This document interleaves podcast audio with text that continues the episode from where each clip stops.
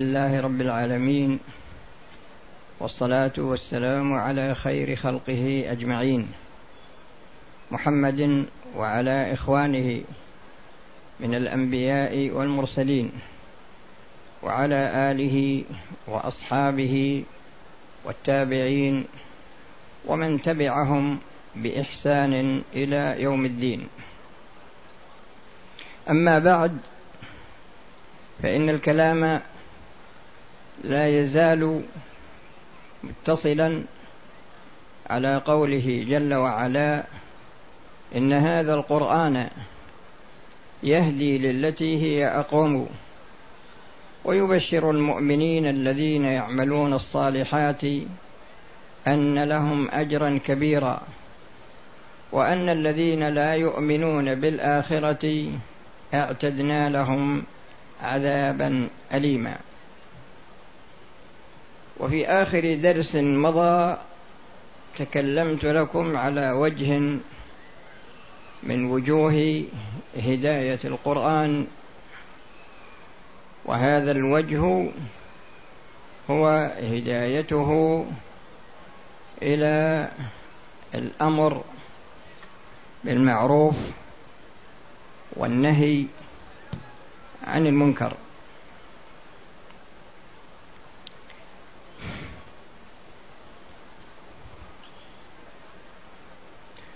وفي هذه الليلة أتكلم على وجه آخر من وجوه هداية القرآن وهو هدايته إلى الدعوة إلى الله سبحانه وتعالى. وإذا تتبع الشخص ما ورد في القرآن وكذلك ما ورد في السنة يتكون عنده وجه قطعي من وجوه هداية القرآن وهو هدايته إلى الدعوة إلى الله جل وعلا. ومن ذلك قول الله جل وعلا لنبيه محمد صلى الله عليه وسلم ادع إلى سبيل ربك بالحكمة والموعظة الحسنة وجادلهم بالتي هي أحسن. إن ربك هو أعلم بمن ضل عن سبيله وهو أعلم بالمهتدين. وفي موضع آخر يقول الله جل وعلا ومن أحسن قولا ممن دعا إلى الله وعمل صالحا وقال إنني من المسلمين. ولا تستوي الحسنة ولا السيئة. ادفع بالتي هي أحسن. فإذا الذي بينك وبينه عداوة كأنه ولي حميم. وما يلقاها إلا الذين صبروا وما يلقاها إلا ذو حظ عظيم. وإما ينزغنك من الشيطان نزغ فاستعذ بالله إنه هو السميع العليم. وإذا نظرنا إلى الدعوة وجدنا أنها تتكون من شخص يدعو ومن شخص مدعو. ومن مادة يتزود بها الداعي ليوصلها إلى المدعو. ومن منهج يسلكه الداعي لإيصال هذه الدعوة. ومن غاية وهي نتيجة لهذه الدعوة من جهة الداعي. ومن جهة المدعو. ومن جهة المجتمع. الذي تنتشر فيه الدعوة.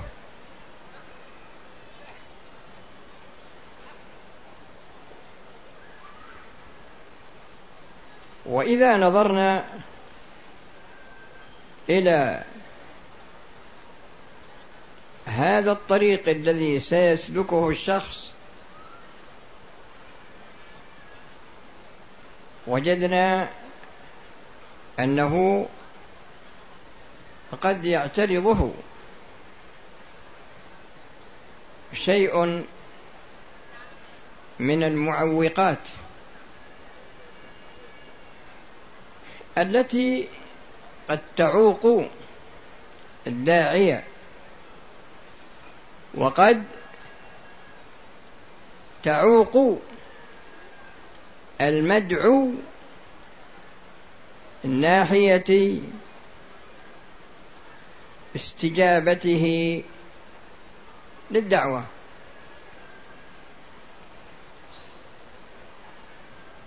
فإذا نظرنا إلى الداعي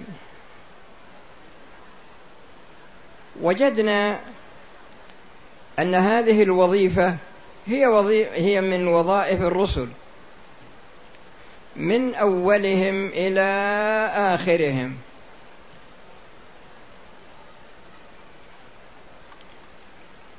فإن كل رسول تكون له وظائف.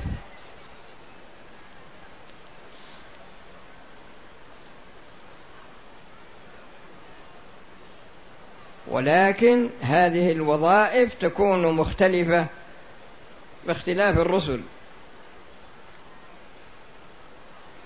فرسولنا محمد صلى الله عليه وسلم إذا نظرنا إلى وظيفته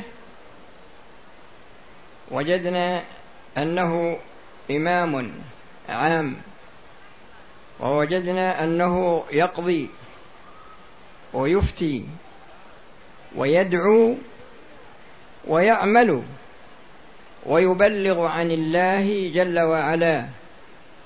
ومع ذلك كله يقول الله له قل إنما أنا بشر مثلكم.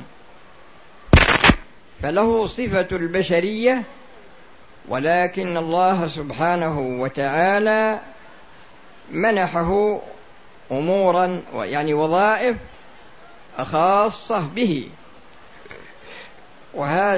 وهذا هو وظيفة الوحي. نزول الوحي عليه وتبليغه للناس وعصمته فيما يبلغه عن الله جل وعلا. وعلى هذا الأساس يكون الداعي يكون الداعي سلك مسلك الرسول صلى الله عليه وسلم ووظف نفسه بهذه الوظيفة وهي وظيفة الدعوة إلى الله جل وعلا. لكن عندما نأتي إلى الشخص الذي يريد أن يدعو إلى الله جل وعلا. نجد أن هذا الشخص له جانب البشرية ولكن جانب البشرية لا يكفي.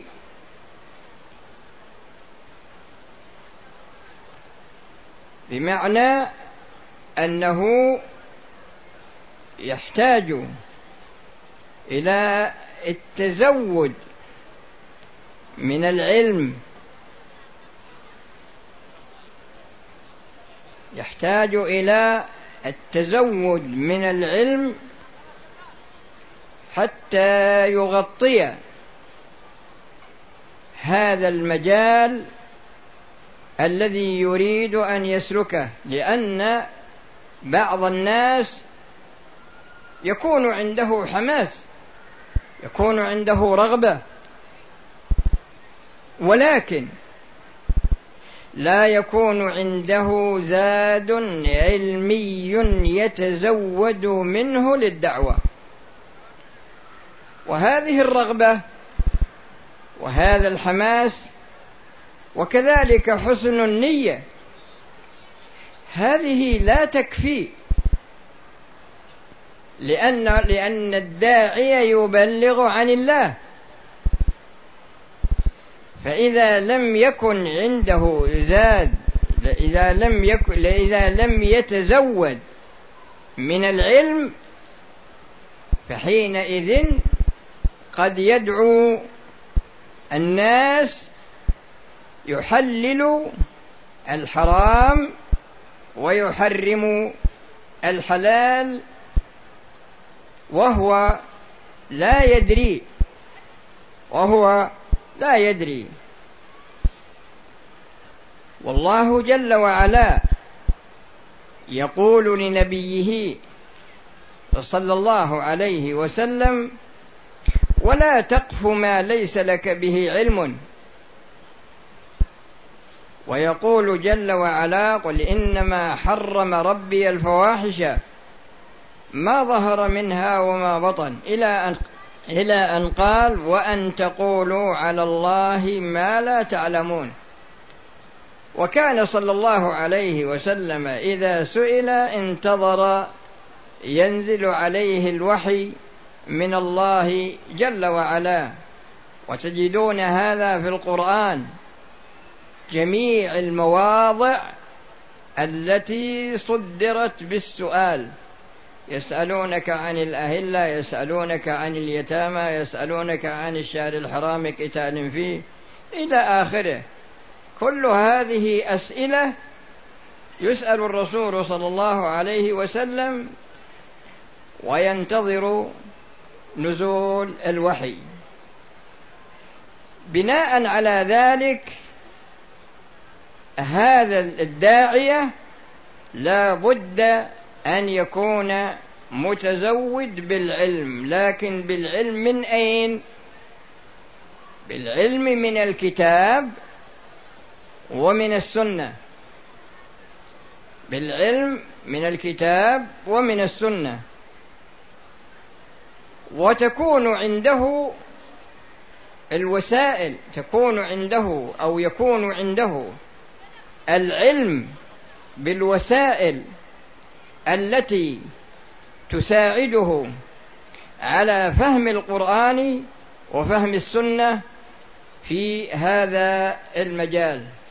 فإن فهم القرآن وفهم السنة له قواعد لا بد أن تتوفر عند الشخص ذلك أنه إذا تلا آية أو تلا حديثا عن الرسول صلى الله عليه وسلم وبين معنى هذه الآية وبين معنى هذا الحديث يكون هذا البيان منطلقا من القواعد التي استقرت عنده لأن فيه ظاهرة عند بعض الناس عندما يتكلم عن الآية عندما يتكلم عن فهم الآية أو عندما يتكلم عن فهم الحديث يتكلم كلاما فكريا. ومعنى كونه كلاما فكريا أنه يتكلم بالمعنى يعني يعبر عن المعنى الذي انقدح في ذهنه عن هذه الآية أو عن هذا الحديث لكن هذا المعنى الذي انقدح في ذهنه لا يكون مبنيا على قاعدة علمية بحيث أنك لو سألته وقلت له ما هو المستند الذي استندت عليه حتى بينت هذا المعنى وقلت إن هذا المعنى هو المراد من الآية أو هذا المعنى هو المراد من الحديث يقول لك والله ما أدري لكن أنا فهمت كذا فكثير من كثير من يعني من, من كلام يعني كلام كثير من من وخاصة الشباب المقبلين على طلب العلم.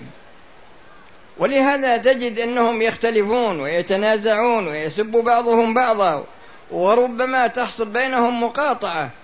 كل هذا ناتج عن عدم التزود بالقواعد التي تكون أساسا لفهم القرآن وفهم السنة. فتجد بضاعته في لغة في اللغة العربية تجدها قليلة جدا. لا من جهة الوضع ولا من جهة التصريف ولا من جهة الاشتقاق ولا من جهة فقه اللغة ولا من جهة النحو ولا يعني من جميع العلوم اللغوية. ومعلوم أن القرآن عربي نزل بلغة العرب والرسول صلى الله عليه وسلم عربي. فيحتاج الشخص إلى معرفة قواعد اللغة وذلك من أجل أن يستعين بها هذا جانب. الجانب الآخر من ناحية آه، أصول الفقه. وأصول الفقه هذا هو عبارة عن القواعد التي يفهم بها القرآن وتفهم بها السنة. وكذلك من جهة مقاصد الشريعة. يعني هذه ثلاثة أمور. بالإضافة إلى معرفة علوم القرآن ومعرفة علوم السنة وذلك من أجل أن يعلم الناسخ والمنسوخ ويعلم أسباب النزول لأن بعض الناس وأنا سمعته يتكلم في آية ويشرحها على أنها محكمة ومعنى ذلك أنه يجب على المكلف أن يعمل بها وهي في واقع الأمر منسوخة. هي في واقع الأمر منسوخة. فيتكلم في آية من كتاب الله على أنها محكمة ولكنها في واقع الأمر منسوخة. فيحتاج إلى معرفة علوم القرآن وكذلك بالنظر إلى علوم الحديث. لأن علوم الحديث تساعد الشخص من أجل معرفة ما يقبل من الحديث سواء كان قبوله من ناحية الرواية أو من ناحية الدراية. يعني يعني يكون عنده ميزان يزن به قبول الحديث ورده. وإن كان إن في كثير من الأحاديث لا تحتاج إلى بحث لكن قد يتعرض له حديث قد يعرض له. حديث من الأحاديث هو في أمس الحاجة إلى معرفة درجة هذا الحديث هل وصل إلى إلى درجة الاحتجاج به أم أنه لم يصل إلى هذه الدرجة؟ وعلى هذا الأساس أيضا يحتاج إلى أن يعرف العلاقة بين القرآن وبين السنة. ذلك أن القرآن يبين القرآن وأن السنة يبين بعضها بعضا وأن السنة مبينة للقرآن. فإذا كان على بصيرة إذا كان على بصيرة من المادة التي يريد أن يبلغها يكون عنده هذه الدرجة الأولى درجة العلم. الدرجة الثانية هي درجة النية. سئل رجل فقيل له نحن إذا تكلمنا لا نبكي وأنت إذا نصحت وتكلمت أبكيت. قال أنتم تتكلمون من ألسنتكم وأنا أتكلم من قلبي. فالغرض من هذا هو وجود حسن النية عند الشخص لأن يهدي الله بك رجلا واحدا خير لك من حمر النعم. يعني يحرص يكون هدفه هداية الناس. يكون هدفه هداية الناس وإيصال الحق لهم. الأمر الآخر أن الشخص لا بد أيضا مع حسن النية ووجود المادة العلمية لا بد أيضا أن يكون عاملا بما علم. يكون عاملا بما علم. لأن العلم ثمرة من ثمرات العلم. وأول من يتعين عليه أن يعمل بعلمه هو الداعي إلى الله جل وعلا. ولهذا تجدون أن الرسول صلى الله عليه وسلم هو القدوة الحسنة والقدوة الكاملة في التطبيق العملي. في التطبيق العملي. ولهذا تجدونه في الصلاة يقول صلوا كما رأيتموني أصلي. فصلاته صلى الله عليه وسلم تطبيق كامل لما أراد الله جل وعلا.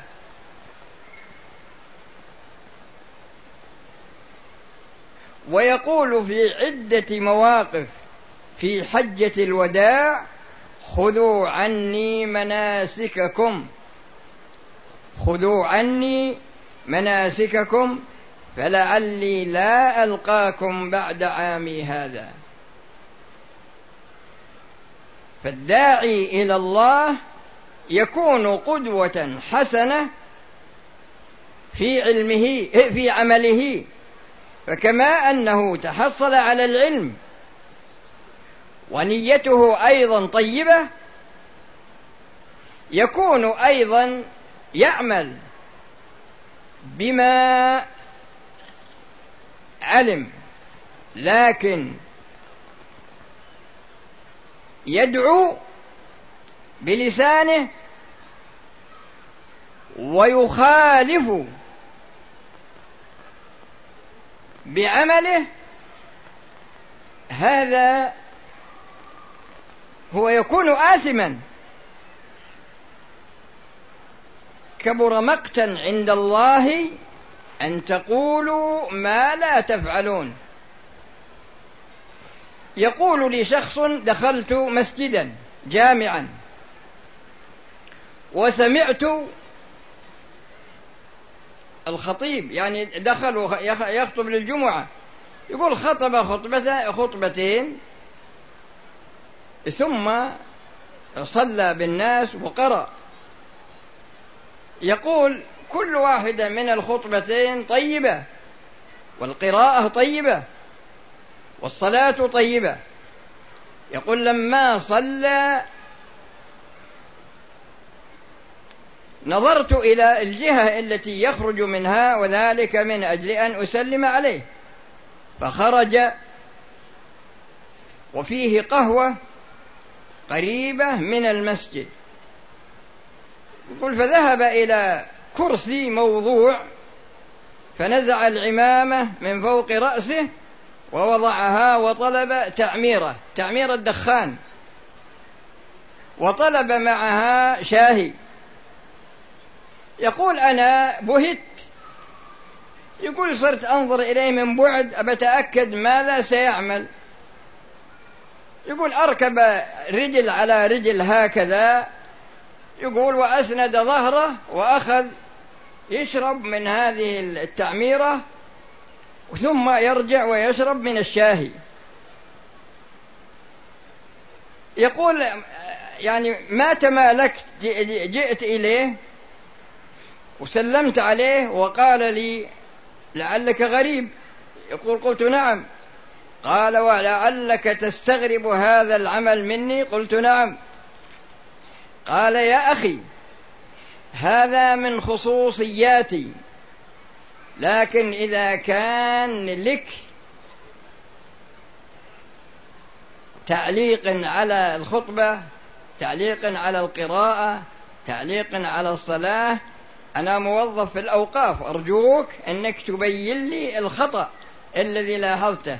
أما هذا فمن خصوصياتي وليس لأحد حق في أن يدخل في خصوصيات آخر. وهذا هو الذي يدعون إليه بهذه المناسبة.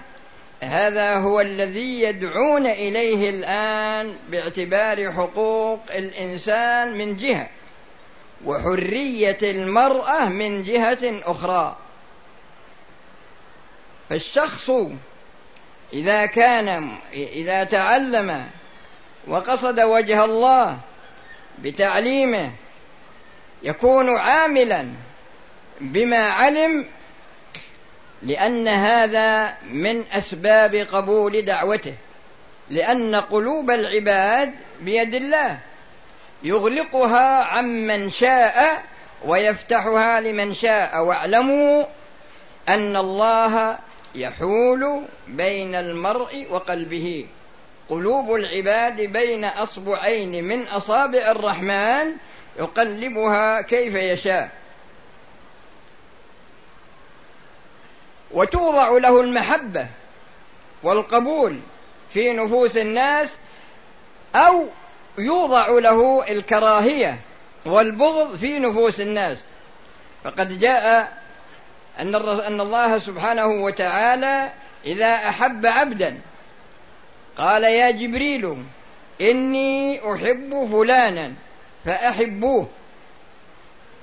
فيحبه جبريل وينادي في ملائكة السماوات إن الله يحب فلانا فأحبوه. فيحبه الله يحبه جبريل وتحبه جميع ملائكة السماوات السبع. ثم ينزل حبه في الأرض فيشرب الناس حبه كما يشربون الماء. وإذا أبغض الله عبدا قال يا جبريل إني أبغض فلانا فأبغضوه. فيبغضه جبريل وينادي في السماء إن الله يبغض فلانا فأبغضوه. فيبغضه الله ويبغضه جبريل وتبغضه جميع ملائكة السماوات والأرض وينزل بغضه في الأرض فيشرب الناس بغضه كما يشربون الماء.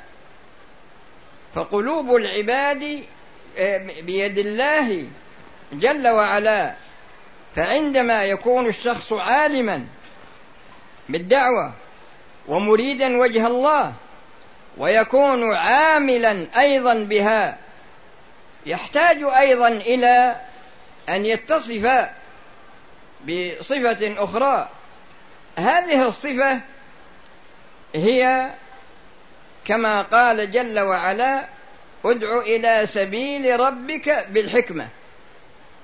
بمعنى أنه يكون حكيما في دعوته. ولو كنت فظا غليظ القلب لانفضوا من حولك. وهذه طريقتها يسيرة جدا يقول الرسول صلى الله عليه وسلم إنكم لن تسعوا الناس بأرزاقكم ولكن ببسط الوجه وحسن الخلق. وفي الحديث الآخر كاد حسن الخلق أن يذهب بخيري الدنيا والآخرة. إن من أحبكم إلي وأقربكم مني منزلة يوم القيامة أحاسنكم اخلاقا. أحاسنكم اخلاقا. الموطؤون اكنافا. الذين يألفون ويؤلفون. ومعنى ذلك أن الداعية يحتاج إلى وضع جسر بينه وبين المدعو. وهذا الجسر هو عبارة عن الخصائص الصفات التي يتصف بها هذا الداعي. فلو أن فإذا كان الشخص يعني يستخدم الأساليب التي تقوي